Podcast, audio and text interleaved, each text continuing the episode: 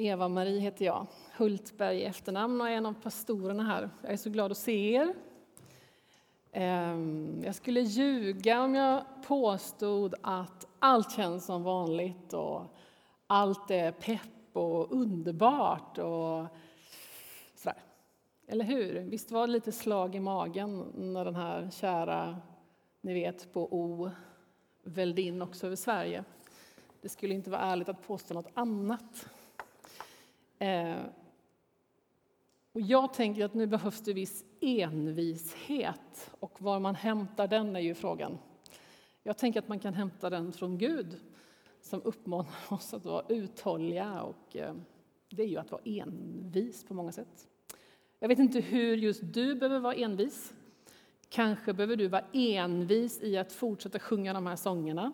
Lova Herren min själ.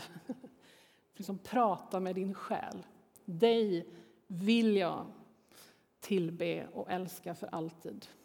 Kanske behöver du vara envis i att fortsätta våga be om hjälp. Kanske behöver du vara envis i att sträcka dig ut efter någon annan och hjälpa. Kanske behöver du vara envis i bönen eller envis i liksom att bara hålla näsan över vattenytan med Guds hjälp. Ehm, låt oss liksom envist fortsätta att bekänna vårt hopp, har jag fått säga till mig själv. Och den här gången bara vägrar jag, trots att liksom hoppet har grusats några gånger de här åren, och tänka att det här ska bli långvarigt. Nu liksom tänker jag några veckor, eh, och kanske kommer jag på skam, men då gör jag det. Då. Så låt oss tillsammans stå i de här veckorna och ja, finnas tillsammans trots att det är så knepigt och konstigt. Och man kan alltid höra av sig till någon av pastorerna eller till någon av församlingsledarna eller du kan höra av till din cellgruppsledare och liksom, nej men nu, jag navigerar inte nu. Så pratar vi tillsammans och ber tillsammans. Okej? Okay? Eh, jag vill bara säga så att det också går ut i närradion ordentligt och på alla sändningar påminna om att eh, försöka hålla sig informerad om man känner att informationen kanske går en förbi. Ring någon och också tydligt säga att den samlingen som var planerad på tisdag, som Ryttargården Senior hade planerat på tisdag, är inställd på grund av pandemin. Och också det så kallade månadsmötet den 1 februari, en tisdag, det är också skjutet på. Så håll utkik och förhör dig och håll dig informerad.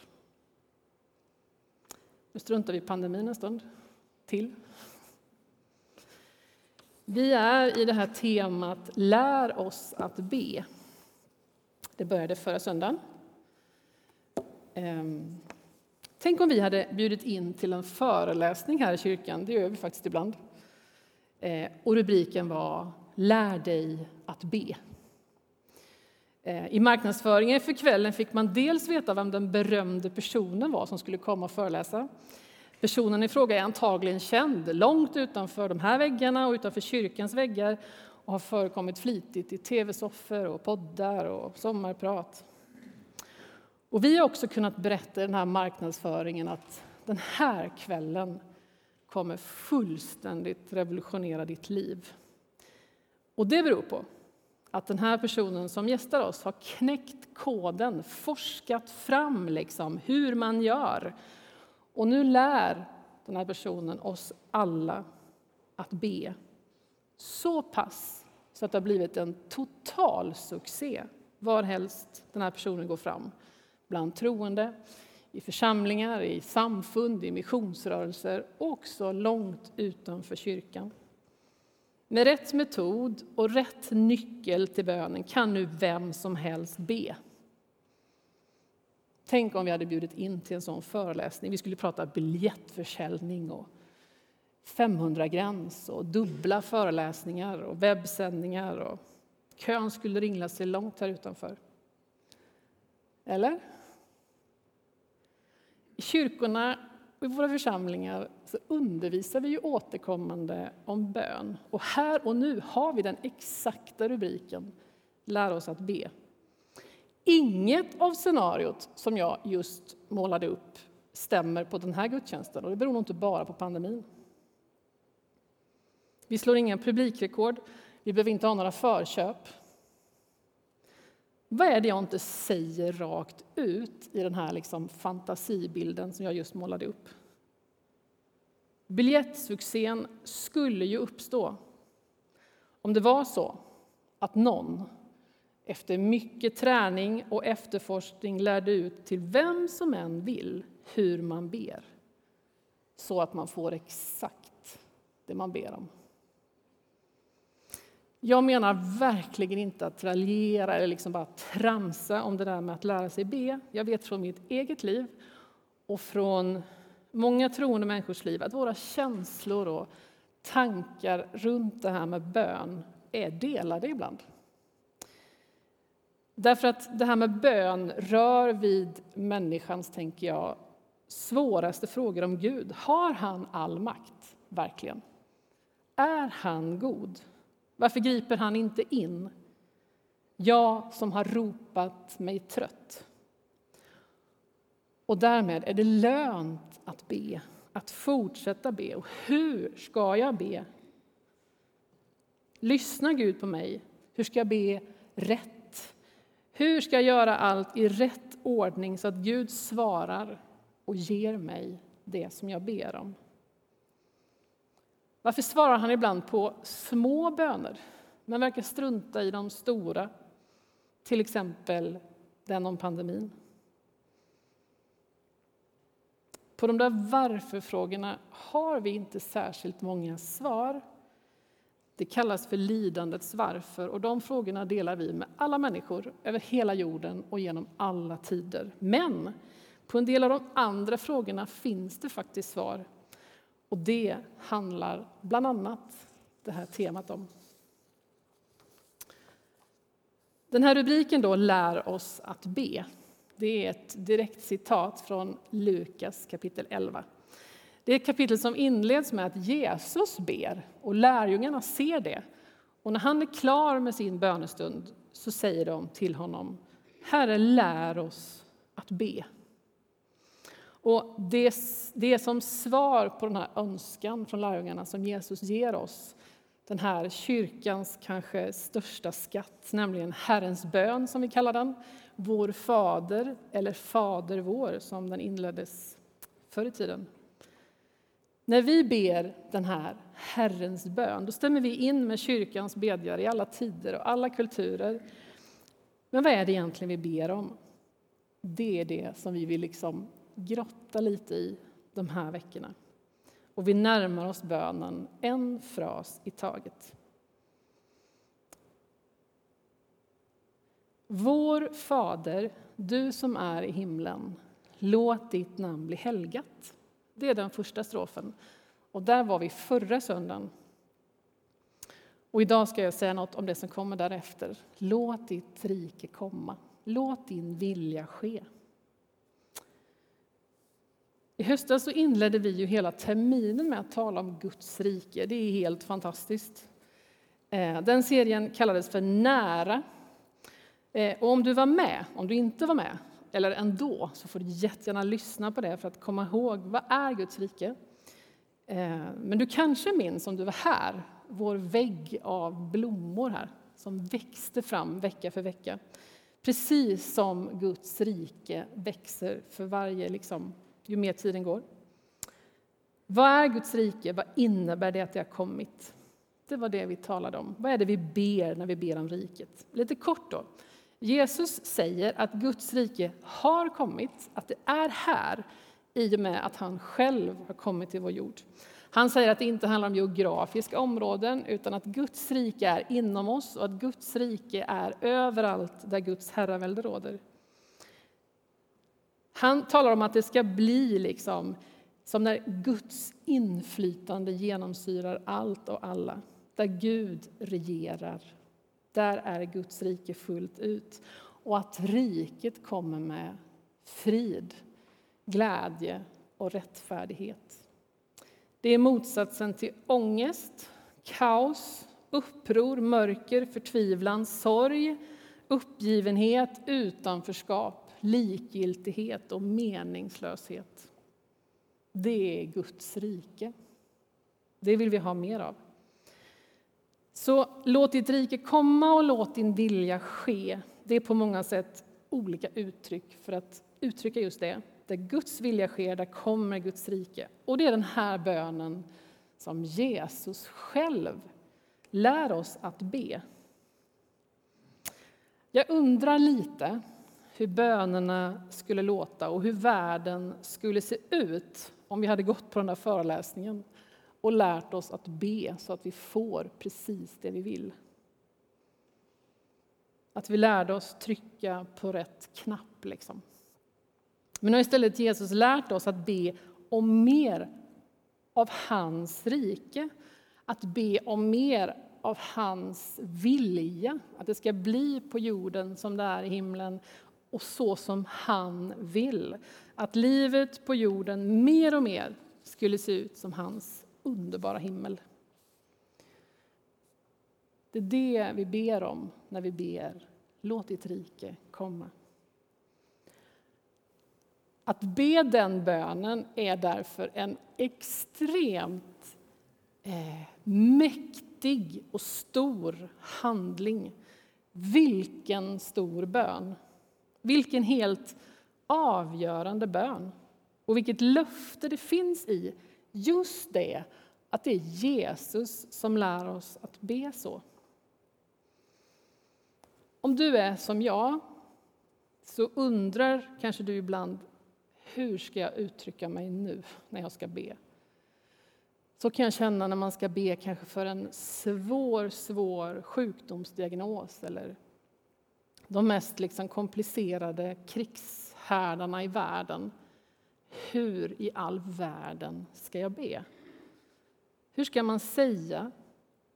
Och allra mest kanske, vad gör det för skillnad? Och då kan vi luta oss envist nu då, när vi ska vara envisa de här veckorna, mot det faktum att Jesus själv har gett oss uppgiften att be så här. Låt ditt rike komma. Jesus skulle väl aldrig lära oss eller säga åt oss att göra någonting meningslöst. Eller? Jag är helt övertygad om att Jesus skulle aldrig be oss, lära oss, säga åt oss att göra någonting meningslöst. Så om Jesus säger så ska ni be, då är det så vi ska be. Då har det betydelse och då gör det skillnad. Då kan vi liksom tryggt, envist och uthålligt och i tro på Gud ofta be Låt ditt rike komma. Låt din vilja ske. Inte för att vi skulle ha fått någon ramsa eller trollformel som ska ge snabba lösningar och liksom en fantastisk utdelning. Utan för att det är helt enkelt i linje med vad Jesus säger att vi ska göra. Det ligger i vårt uppdrag som Guds folk och det är en av de sakerna som vi är satta i den här tiden för att göra. I Bergspredikan kapitel 6, där också liksom den här eh, bönen, Herrens bön, finns återgiven, så ber Jesus och undervisar. Och jag ska läsa den texten från The Message, en liksom lite så förklarande bibelparafras som ibland gör att man studsar lite och vaknar till lite över bekanta texter. Det är från vers 5, motsvarande vers 5 i Matteus 6. Och där säger Jesus så här. Även när du vänder dig till Gud ska du akta dig för att göra teater av det. Så många det finns som gör rena showen av sina böner bara för att andra ska se upp till dem. Som om Gud skulle sitta på första parkett. Hör vad jag säger. Gå till någon lugn plats där du kan vara ensam så att du inte frestas att spela teater för Gud. Var så enkel och ärlig som du bara kan. Då kommer fokus att hamna på Gud istället för på dig själv och du kan börja ana hans gåvor. Världen är full av böneatleter som inte förstår vad de sysslar med. De har sina recept, femstegsprogram och expertråd och försöker kränga tekniker som ska få Gud att göra som man vill. Gå inte på det. Det är er egen far ni har att göra med. Han vet vad ni behöver. Han vet det till och med bättre än ni själva. Eftersom ni har en sådan Gud som älskar er kan ni be mycket enkelt. Så här. Vår far i himlen, visa vem du är. Gör allting bra. Låt det bli på bästa sätt här nere precis som där uppe. Låt oss leva och få det vi behöver. Låt oss leva ihop med dig och varandra, förlåtna och förlåtande. Skydda oss från oss själva och från djävulen. Du bestämmer, du gör vad du vill. Du strålar av skönhet. Ja, ja, så är det. Gör allting bra. Det här är översatt från engelska.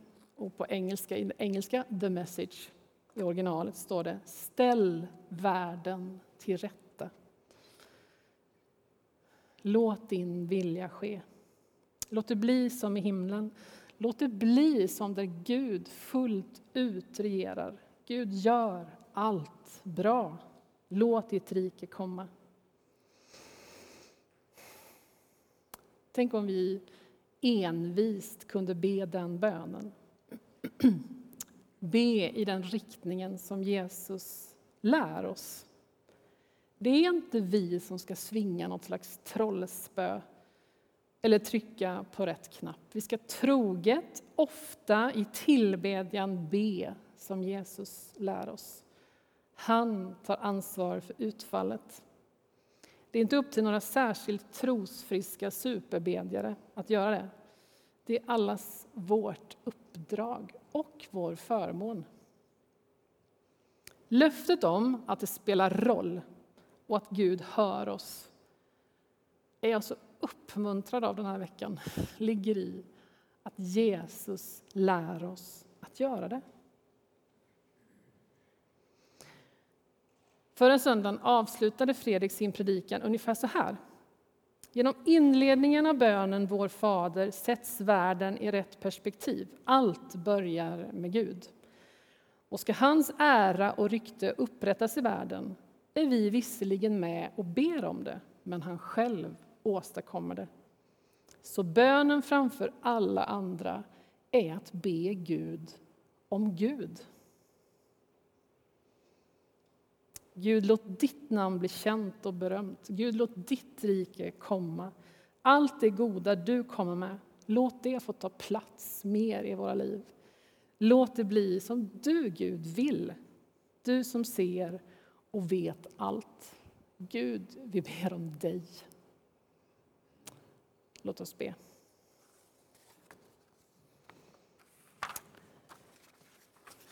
Tack Jesus att du ständigt drar oss till dig själv.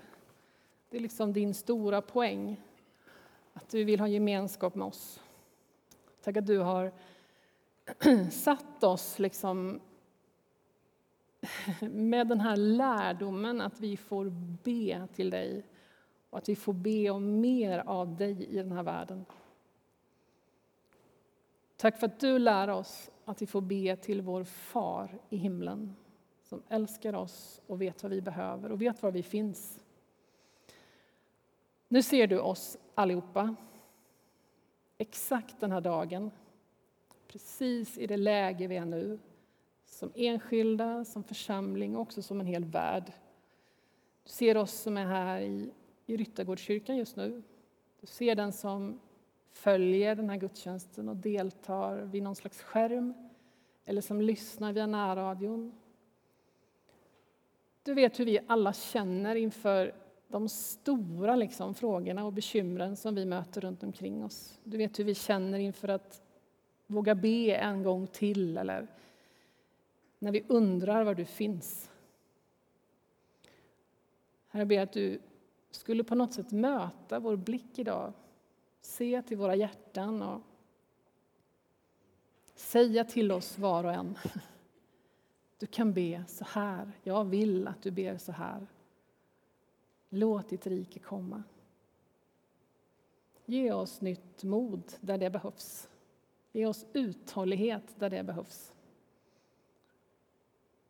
Tack för glädjen att få stå liksom i tjänst, i bönens tjänst tillsammans som ditt folk och be om mer av dig i den här världen.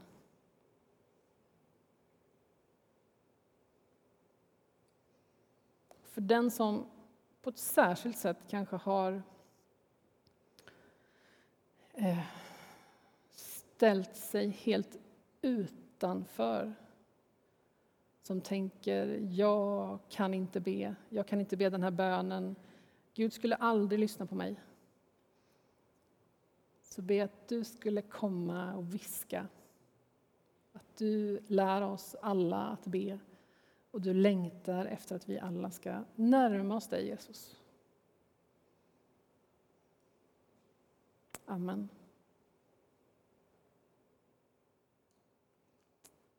lyssna till Markus.